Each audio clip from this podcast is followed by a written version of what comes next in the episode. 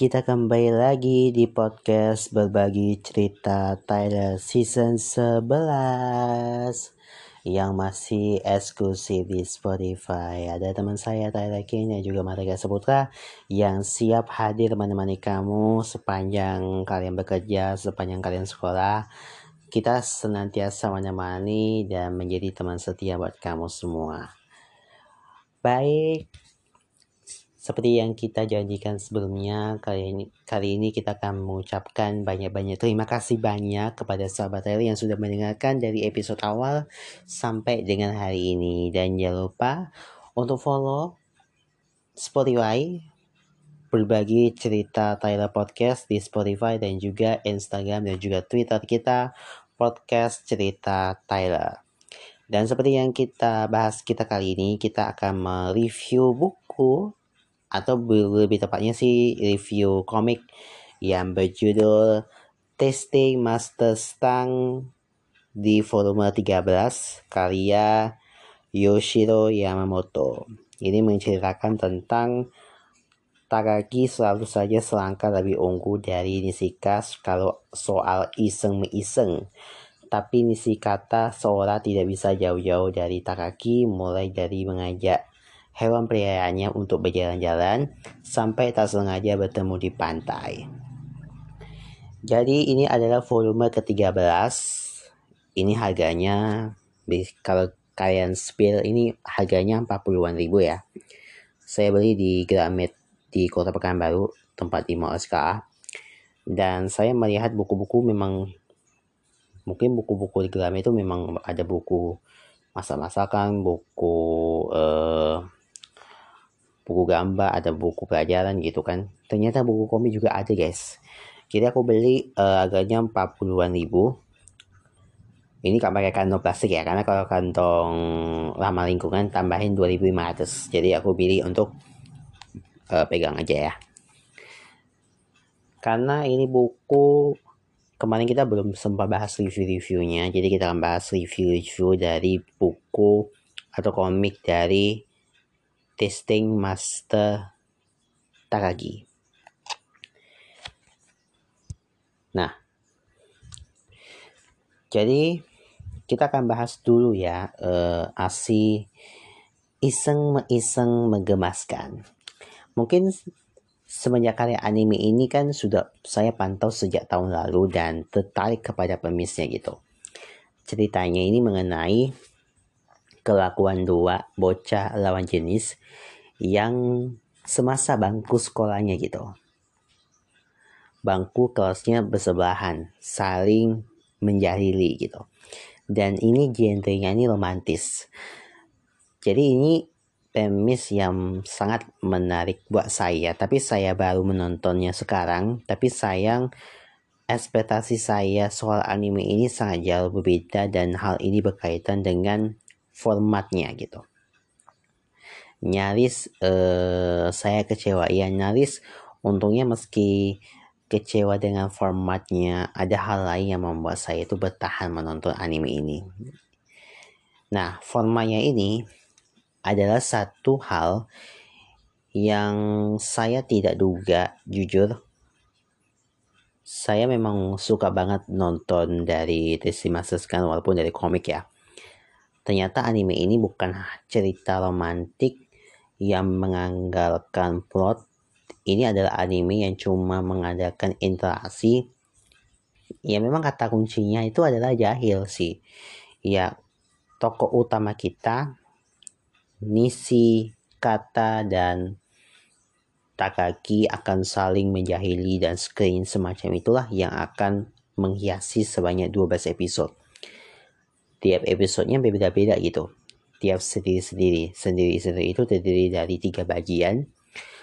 Dan ya tiap bagian itu berisi tiap kelakuan dan tingkah dari misi kata dan Takagi sejujurnya saya sempat merasa tak mau melanjutkannya selama tiga episode awal.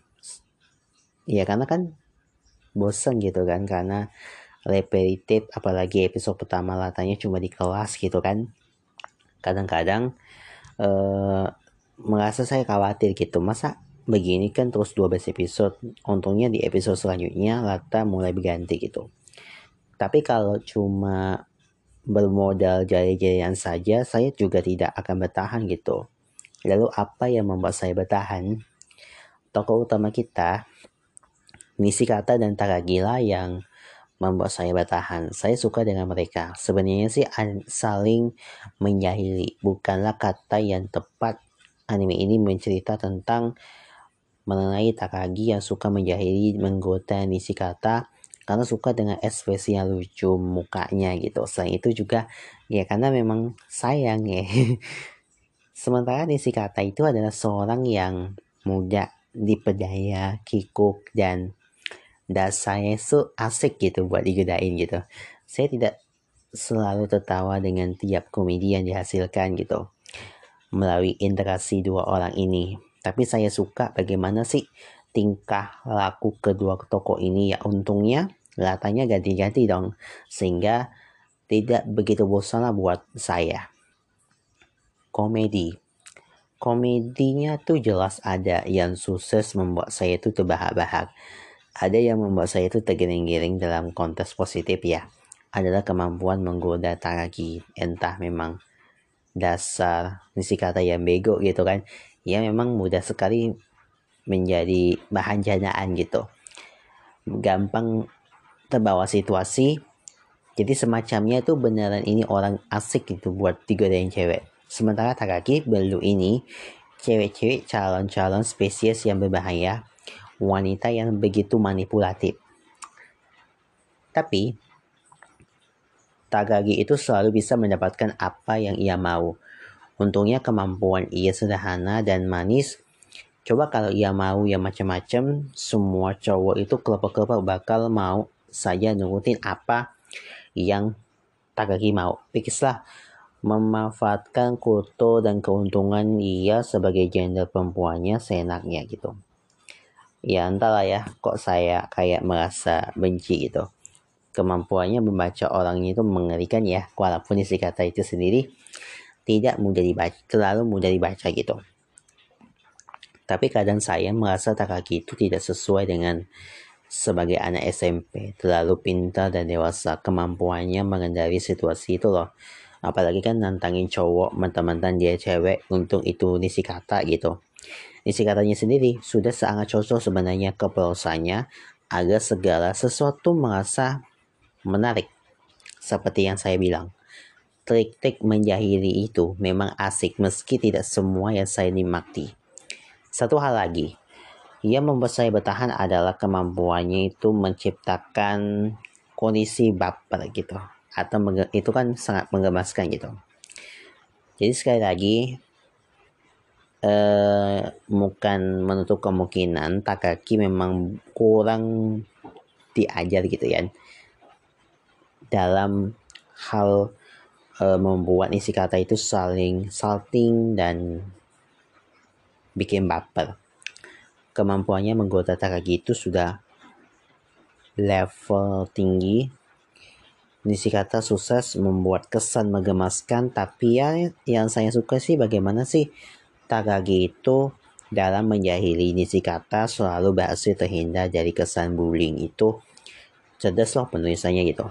Nah sebenarnya sih dalam tiga cerita per episode itu selain menceritakan Takagi dan kata ada cerita lain mengenai pria cewek. Ia memang imut sih tapi kadang lucu ya cuma kebetulan saya saya nonton ketika mood saya bukan cuma komedi kalau cuma nyari lucu sih menikmati gitu kan tapi kalau cuma tertarik dengan keduanya seperti saya sih ya ya di skip aja ya.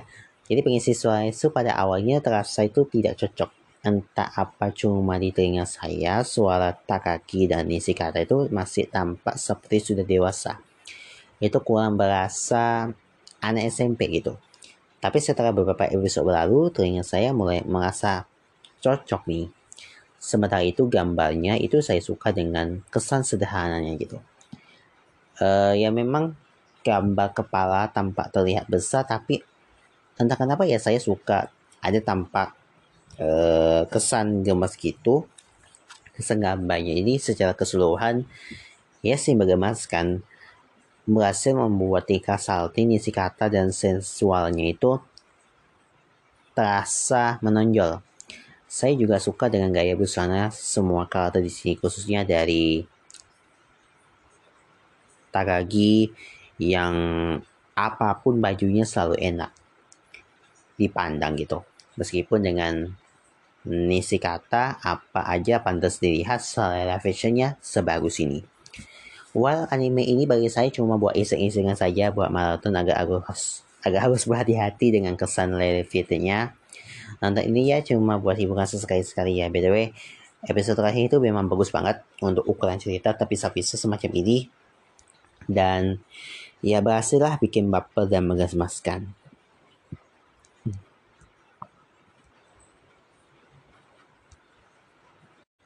Ya itu tadi uh, review dari buku anime dari Testing Master Takagi yang bisa kalian dapatkan di toko-toko buku terdekat.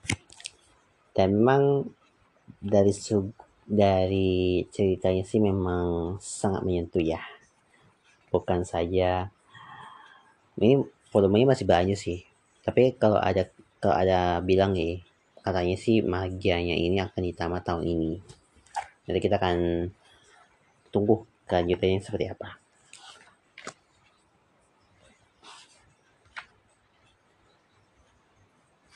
Oke. Kita akan berlari ke ya cerita yang lain. Kita bahas aja sih review atau reaction aja ya. Reaction reaction uh,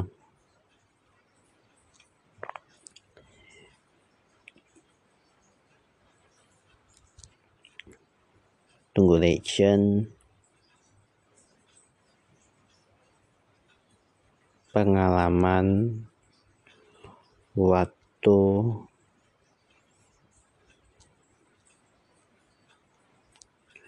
Bentar ya.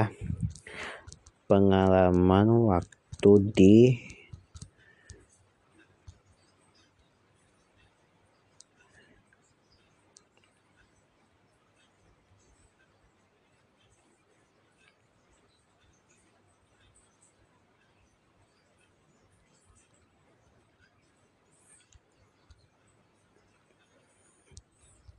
Oh ya, kita bahas dulu ya. Ini aku cari ritual cuaca cerah di Jepang. Nah ini dia ya. Aku kutip dari salah satu artikel mengenai tradisi dan ritual mengalihkan awan dari berbagai belahan dunia. Jika sahabat Taira pikir tradisi dan ritual mengendalikan awan paling hujan hanya ada di Indonesia, sayang sekali Anda salah. Ternyata, negara Afrika Selatan, Jepang, dan Thailand ternyata memiliki tradisi dan ritual yang juga dipercaya dapat memanggil ataupun menangkal hujan. Kalian percaya? Yang pertama adalah ritual suku pedi Afrika Selatan. Jika di Indonesia ada bawang hujan, maka suku pedi di Afrika Selatan memiliki orang pintar yang dipercaya dapat memanggil dan mengusir hujan. Untuk memanggil hujan, tiap desa suku Pedi memiliki ritual yang berbeda-beda, namun secara umum mereka memiliki pawang hujan yang dianggap memiliki kekuatan untuk mempersembahkan seni memanggil hujan.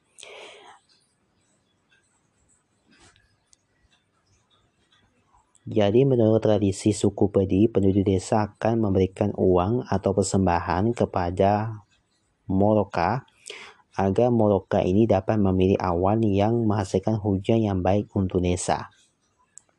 Jadi kesuksesan ritual memanggil hujan bergantung pada jumlah uang yang diberikan karena bersaing dengan Moroka dari keluarga atau desa lain. Semakin besar uang persembahan yang diberikan, maka semakin besar peluang Moroka membeli awan yang bagus. Kayaknya sih percaya sih. Enggak, enggak ini nggak percaya dengan ritual suku Pedi di Afrika Selatan sih. Masa ada sih orang pintar yang dipercaya dapat memanggil dan mengusir hujan? okay, next.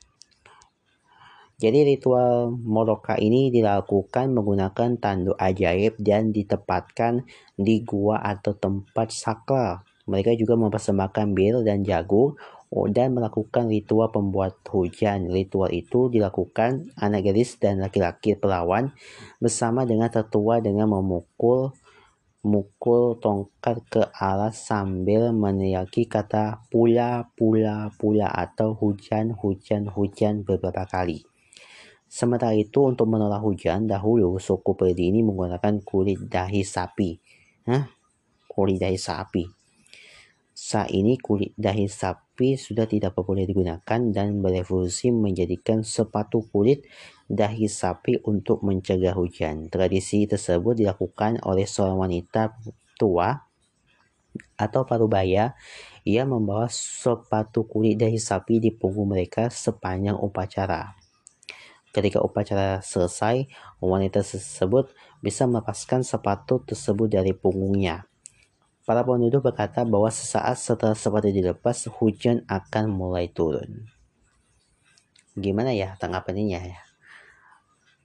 Aku rasa sih nggak percaya sih sama nggak nggak percaya sih sama ritual dari uh, suku Badi masa ada sih orang pintar yang dipercaya dapat memanggil dan mengusir hujan. Manakala kan kita eh, ini Moloka itu adalah dokter tradisional pembuat hujan ya guys. Jadi dia penduduk desa itu akan memberikan sejumlah persembahan berupa uang atau barang kepada Moloka agar dia dapat memilih awan yang menghasilkan hujan yang baik untuk desa. Ini bergantung sih pada ritual yang diberikan. Menurut saya sih nggak percaya sih sama ritual suku Bedi di Afrika Selatan. Oke, okay, next. Yang berikutnya adalah Teru Teru Teru Bozu dari Jepang. Di Jepang terdapat sebuah ungkapan untuk memohon cuaca cerah Asita Tenki ni Nare yang artinya biarkan besok menjadi hari yang cerah. Ungkapan tersebut biasa diungkapkan saat seseorang berharap cuaca cerah di hari berikutnya. Selain mengungkapkan permohonan cuaca cerah, Jepang juga memiliki tradisi yang cukup populer untuk memanggil cuaca cerah. Tradisi tersebut dengan disebut dengan teru teru bozu. Ini kayak kayak mirip pocong, cuma diikat apa diikat tempat lehernya terus diberi mata gitu jadi teru-teru bozu itu adalah boneka kecil yang terbuat dari kertas atau kain putih yang diikat dengan tali. Kemudian digantungkan di jendela, tradisi menggantungkan teru-teru bozu ini dipercaya dapat memanggil cuaca cerah di keesokan harinya. Jadi teru-teru sendiri secara harfiah berarti bersinar-bersinar seperti sinar matahari. Dan bozu itu adalah sebuah istilah untuk bisu buta. Jadi tradisi teru-teru bozo konon awalnya itu berasal dari Tiongkok pada periode Hainan. Legenda menyatakan bahwa ritual ini awalnya adalah seorang gadis yang membawa sapu-sapu tersebut diyakini akan menyapu awan. Menurut ceritanya, gadis tersebut dikorbankan untuk menyelamatkan kota dari amukan badai besar. Oh sama kita kayak tadi kita review dari Wiki With You, dia sempat dikorbankan. Dia dikorbankan ke langit agar dia kembali seperti semula, cuaca cerah gitu. Jadi sejak saat itu Orang-orang mengingatnya dengan membuat boneka yang mirip dengan sang gadis. Namun seiring berjalannya waktu, bentuk boneka tersebut berevolusi menjadi bentuk seorang bisu Buddha yang dikenal karena kemampuannya memanggil cuaca yang baik. Pada beberapa daerah di Jepang, selain untuk memanggil cuaca cerah, toru-toru bezu juga digunakan untuk memanggil hujan, yaitu dengan membuat teru-teru benzo dari kertas hitam yang digantung terbalik. Oh, jadi sama kita uh, kayak di film anime dari Tekinoko ya. Kan kalau kita uh, sisanya habis kan, dia sempat dikorbankan ke awan. Uh, dia nggak bisa temuin lagi dan akhirnya hmm, gadis tersebut dikorbankan untuk menyelamatkan kota dari amukan besar. Kalau kalian dengerin episode yang kemarin, kalian pasti tahu lah itu ya. Siapa? Yang berikutnya adalah Sereh dan garis perawan di Thailand. Thailand adalah negara tropis dengan curah hujan yang melimpah tiap tahunnya serupa dengan Indonesia. Thailand juga ternyata memiliki tradisi populer untuk mencegah dan menghentikan turunnya hujan. Di Thailand, Ritual tersebut dilakukan dengan sebatang serai yang ditancapkan terbalik ke tanah oleh seorang gadis perawan. Memang si Thailand itu memiliki kepercayaan bahwa untuk menangkal hujan mereka harus menemukan perawan kemudian memintanya untuk menancapkan seikat serai terbalik ke tanah. Dengan begitu hujan akan berhenti. Saya rasa sih mitos kayaknya ya. Jadi tradisi dan kepercayaan ini sudah ada di Thailand sejak beberapa tahun yang lalu, namun sang yang penulis belum menemukan asal-usul tradisi ini.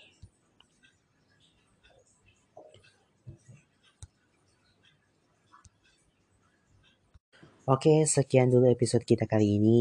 Dan jangan lupa untuk follow akun Spotify, Twitter, dan juga Instagram. Dan jangan lupa untuk lonceng notifikasinya dulu supaya kamu nggak ketinggalan episode terbaru dari mereka.